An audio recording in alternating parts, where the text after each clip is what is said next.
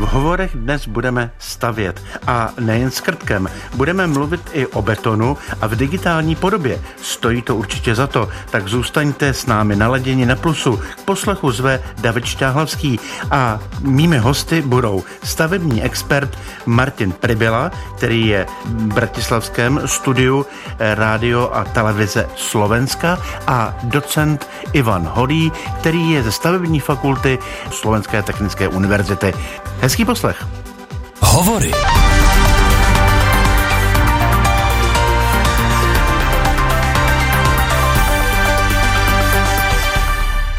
Pánové, tedy hezký den do Bratislavy. Martin Pribila a Ivan Holý eh, jsou mými dnešními hosty. Pozdravujem. Dobrý den.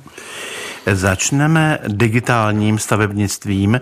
Co všechno mm, tento obor eh, obnáší, protože to je věc, která je nová a eh, o které toho aspoň eh, lajci mnoho neví. Tak jestli mohu poprosit pana, pana docenta Holého. Momentálne sa nachádzame v štádiu, ktorému hovoríme stavebná revolúcia 4.0.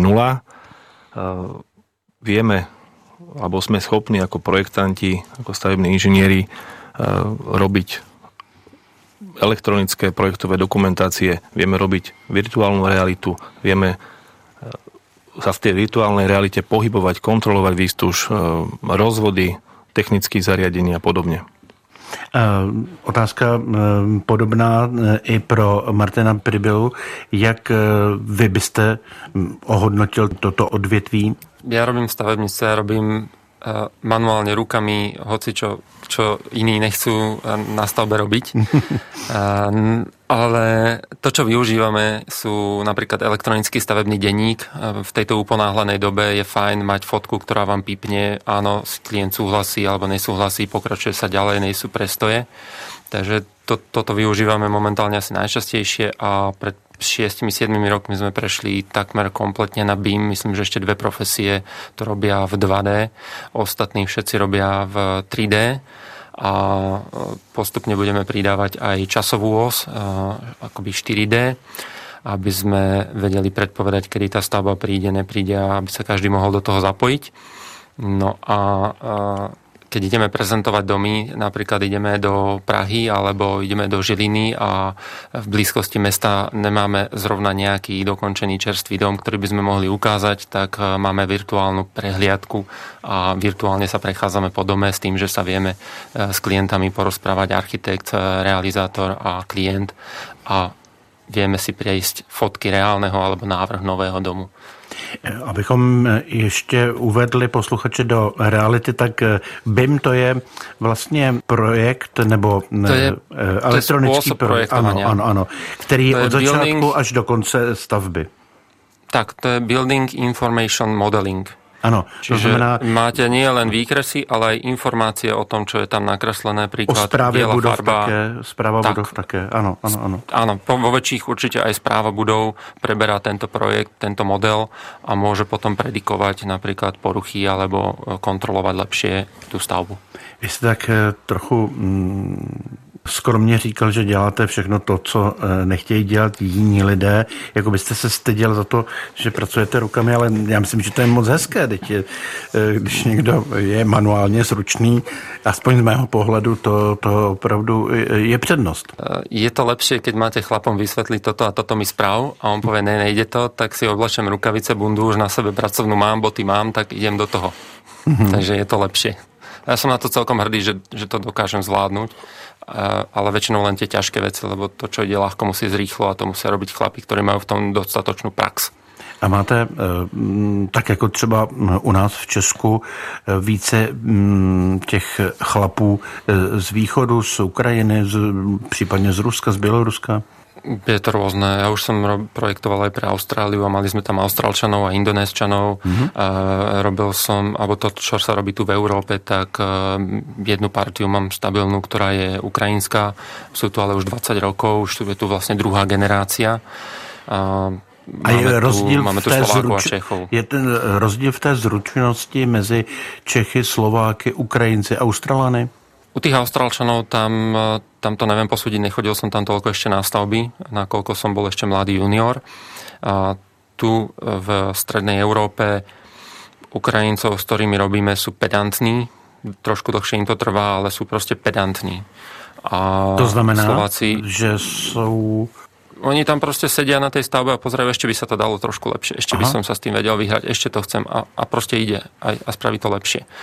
A je to len o tom, že ktorých ľudí nájdete. V každej náture v každej krajine dokážete nájsť tých zodpovedných, pedantných, aj tých flagrantných. A my si vyberáme skôr tých lepších napriek vyššej cene sa to vyplatí tým klientom. Mm-hmm. Tam se pana eh, Ivana Holého, tedy takto eh, docenta ze stavební fakulty eh, Slovenského technického učení nebo Slovenské technické univerzity, omlouvám se, Může digitální stavebnictví být bezpečnější? No určite môže byť bezpečnejšie, lebo vieme už v procese prípravy alebo toho, tej projekčného e, riešenia stavby predísť určitým kolíziám, ktoré by, ktoré by sa mohli vyskytnúť e, pri výstavbe. Alebo e, nejaké detaily komplikované, ktoré sa môžu vyskytnúť. Vieme už v tom procese projekčného riešenia vyriešiť, tak, aby nám potom stavba nestala. Napríklad. Zeptám se ještě otevřeně například eh, na eh, různé tragédie, které se stávaly eh, se stavbami. To znamená, může se tak předejít takovým tragédiím, že se mm, zhroutí například most v Janově? Tak most v Janově to je, to je špeciálny prípad, ale pokiaľ by bol v rámci tej, toho BIM modelu alebo toho celoživotného cyklu zakomponovaný dôsledný systém prehliadok, tak myslím, že by sa dalo predísť.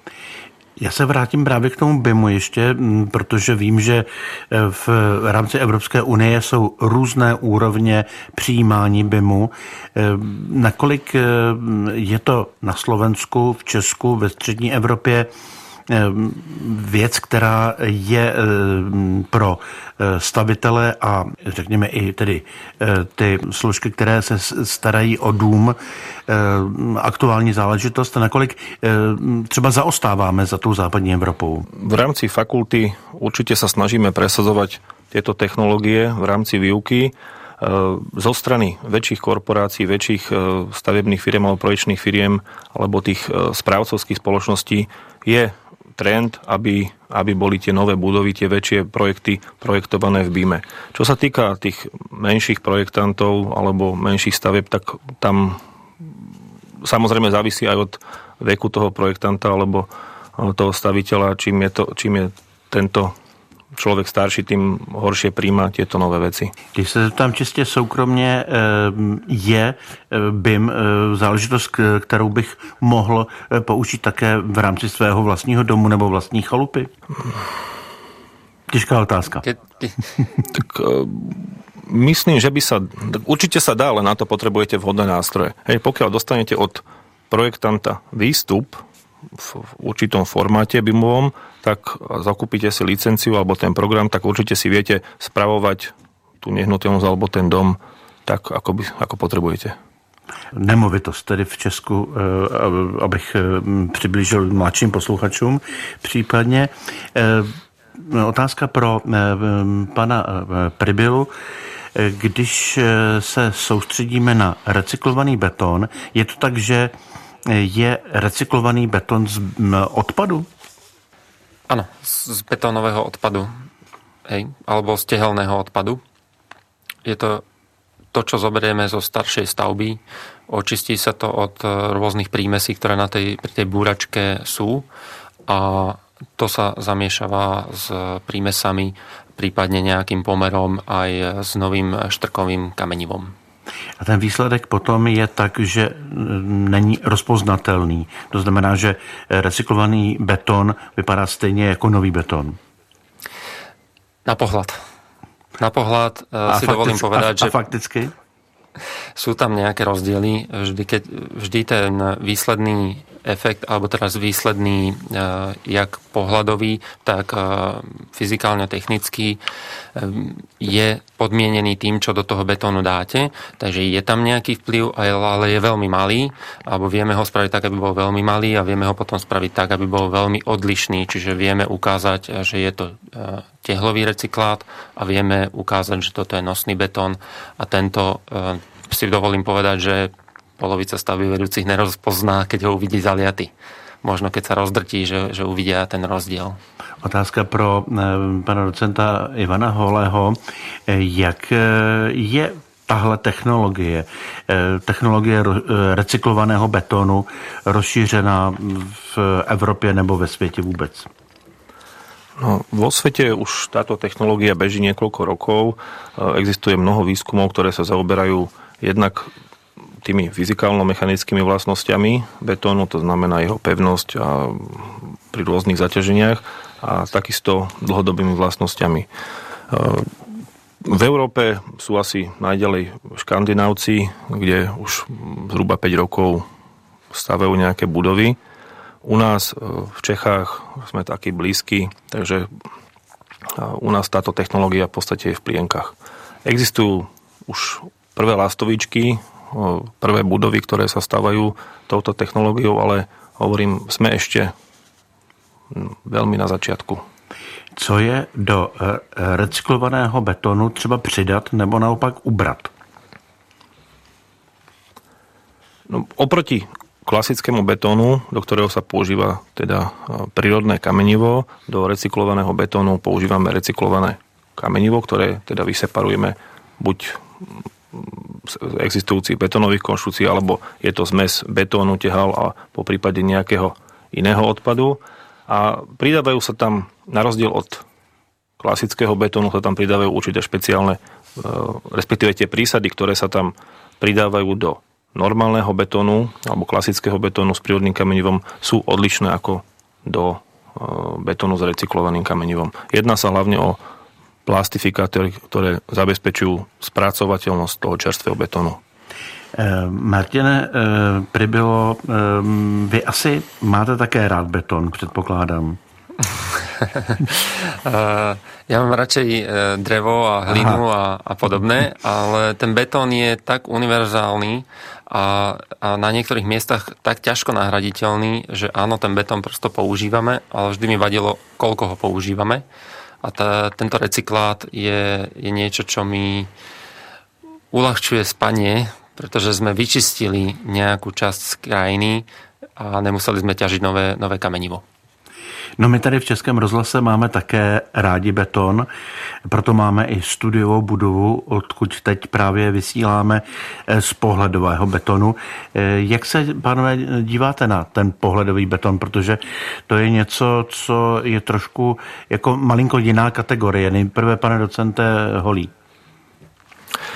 Tak pohľado, pohľadový betón určite je zaujímavý prvok z hľadiska architektúry, ale e, samozrejme nároky na návrh konštrukcie, ktoré sú zhotovené to, pardon, teda z toho pohľadového betónu sú vyššie ako keď máme konštrukciu, ktorú následne omietame alebo obkladáme. A Martin Pribila? Jak no, on ja, vidí pohľadový betón? Ja vždy zoberiem klientov na nejakú konštrukciu, kde už ten pohľadový betón máme, aby som im, aby som im ukázal, tak toto bude vyzerať. Je toto to, čo chcete, alebo chcete niečo viac, aby sme vedeli k tomu práve, čo hovoril docent Holý, upraviť, uh, upraviť prípadne debnenie, lebo betón vám preverí všetko debnenie, každú škulinku, úplne, úplne všetko. Je to tekutina, ktorú nalievate do, betón, do debnenia. To děláte také vlastními rukami? Áno, aj betonujem ale skôr len, skôr len pomocné. Tam nechávam chlapov, ktorí sú zohratí, pretože pri betonáži potrebujete troch, takže oni musia ísť. A ja potom chodím na nejaké tie drobné opravy, keď, keď sa ne všetko všade podarí, tak to väčšinou volajú klienti mňa, aby zistili, kde je chyba, tak je, oni to zistiť nevedia, musí to niekto povedať, takže to chodím zisťovať ja. Keď je to drobná oprava, tak to opravím ja. Pokiaľ je väčšia oprava, tak e, musí dojsť naspäť firma, ktorá to realizovala. Posloucháte Hovory Nadčasová povídání s nevšedními osobnostmi. Najdete je také na webu plus.rozhlas.cz, v aplikaci Můj rozhlas a v dalších podcastových aplikacích. Hostem hovoru je dnes Martin Pribila, stavební expert a podnikatel, a také docent Ivan Holý ze stavební fakulty Slovenské technické univerzity. Vracíme se k tématu eh, tak trochu oklikou, protože eh, bych chtěl eh, se zeptat na to, jak se dá využít, mm, řekněme, plenér, jak se dá využít prostranství. Já vím, že pan Pribyla je expert přes domy v zemi, tedy ty krtkovské domy. Tak jak tohle to vidíte? Možná nejprve dejme slovo panu Holému, aby řekl, jak on, jaký má on vztah k této poměrně netradiční architektuře. Tak teraz sa ukáže. tak určite majú tieto domy svoje čaro, aj keď asi nebudú pre každého. Nie každý tento štýl bude mať srdcu blízky. Áno. Pane Prbilo, vy máte dom v zemi rád předpokládám. Více než pan docent. Ja, ja v ňom bývam. Ale ja mám množstvo kamarátov, ktorí stavajú drevostavby, slamené domy, e, výškové budovy alebo, alebo prosto e, panelové, pardon, panelové stavby, e, bytové domy. A ja si nemyslím, že by, ma, že by sme mali všetci bývať v jednom. Ja som rád za tú pestrosť a ja som rád, že 90% ľudí to vidí inak ako my, lebo tá pestrosť tu bude tým pádom zachovaná. Ja len toľko dodám, že nie sú domy v zemi sympatické, pokiaľ sa v ňom čapuje alebo nalieva nejaká frankovka. to myslíte tedy sklípky v tom případě? Tak, tak, tak. Eh, jak se řeší eh, osvětlení v těch domech, protože eh, ze tří stran ten dům je v zemi, ze čtvrté tedy se dívá někam do toho planéru, do té krajiny, tak jak, jak se to řeší? V prvom rade e, nie ani tak kvôli technológii alebo technike osvetlenia, ale skôr kvôli pocitu a kvôli návštevám. E, tie okná dávame trošku väčších plôch, tým pádom je tam viac svetla ako v bežnom dome mm, len preto, aby to neevokovalo nič, e, nič tmavé, ale naopak svetelné. No a v prípade, že máme niekde vzadu kuchyňu, tak používame ešte svetlíky. Nie svetlovody, ale svetlíky. Jaký je tím rozdíl? Svetlovod je tubus, ktorý je de facto zrkadlovou zrkadlom a prenáša vám svetlo z hoci ktorej strany a vyzerá to podobne ako silná žiarovka alebo silné svetlo. Svetlík je väčší rozmer, poviem meter krát meter a v ňom vidíte, cez neho vidíte hviezdy a v ňom vidíte, ako sa slnko pohybuje počas dňa po miestnosti. Otázka na eh, Ivana Holého. Eh, jak eh, se díváte na tuhle technologii těch světlovodů, světlíků? Je to pro vás jako stavebního experta výzva? Tak ja sa zaoberám skôr statikou a betonovými konštrukciami, takže toto je trošku mimo môjho záberu. A dá se říci tedy z další stránky, že Eh, díky tomu, že je dům v zemi, je lehčí ho vytápět, je to tedy eh, ekologičtější? Tak určite mám menší tepelný odpor, lebo tá zemina eh, bráni uniku tepla a zároveň drží ten chlad alebo to teplo mhm. okolo toho domu. Potom ano. je otázka tých presklených častí, ako to vyriešiť. To sú, to sú dve, dve, dva faktory, ktoré treba riešiť pri dome. Tam eh, je potom otázka, jestli to je dvojsklo nebo trojsklo? Určite trojsklo. A to, to už dvojsklo už dnes by nemal používať nikto, to je prvá vec. Druhá vec, už 80% okenárov dvojsklo ani nemá v ponuke. To eh, Martin Pribyla eh, říkal za sebe. Jak jste vy na myšlenku těch krčích domů přišel nebo přišli? Ja som si prečítal knižku, ktorú doniesol môj spolubývajúci, ktorý na túto tému robil dizertačnú prácu. A bol to môj prvý kolega a potom sa potom presedlal na slamené domy. A celkom úspešne, musím povedať. Staval aj nejaké bytové domy v, v Nemecku, alebo projektoval. No a ja som s týmto zostal, mne sa to veľmi zapáčilo tým, že som statik a toto je náročné na statiku, tak eh, mi to začalo byť srdcu blízke a hovorím, tu by som mohol trošku to vylepšiť a jedným z tých vylepšení je práve aj ten eh, recyklovaný betón. Zeptám se pana eh, docenta Holého, co pro vás je hm, takové jako ideální bydlení? Domy v zemi to je jedna věc a vy byste třeba preferoval jaké domy? Slaměné nebo dřevostavby?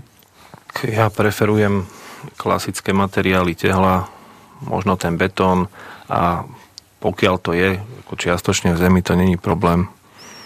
Uh-huh. A vy sám máte chalupu, bydlíte někde tak na víkend třeba? Chalupu nemám, ale bývam v rodinnom dome. Z cihel? Z těhal, ano.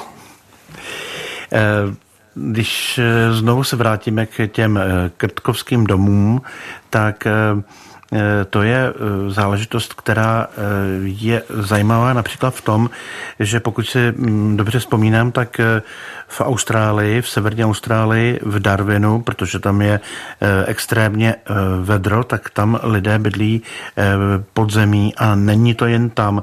Můžete, pane Pribilo, nám říci, kde všude se takhle bydlí? Jestli máte takový přehled. Takový přehled. Mm, ešte do 95. sa bývalo v tufitových domoch e, tu na u nás v Brhlovciach e, na juhu Slovenska. E, Kapadočia asi najznámejšie, robia sa tam výlety balónmi, celosvetové stretnutie a je tam mesto pre zhruba 20 tisíc ľudí. Presnú cifru teraz neviem ten odhad. Tam je vyriešené všetko vrátanie spoločného VCC 4 podlažia, alebo koľko to tam bolo, ako fakt veľké.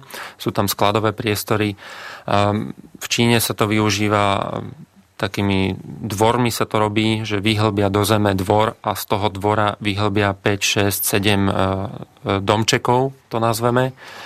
Ehm, tam je to pre chudobnejších a naopak napríklad v Egypte e, mi jeden klient hovoril, že sedel v takomto dome, kde mali 2 metre zeminy nad sebou a že tam bola perfektná klíma a že preto on to chce a on to chce a, a proste on v tom bol v Egypte a tam to malo perfektný význam.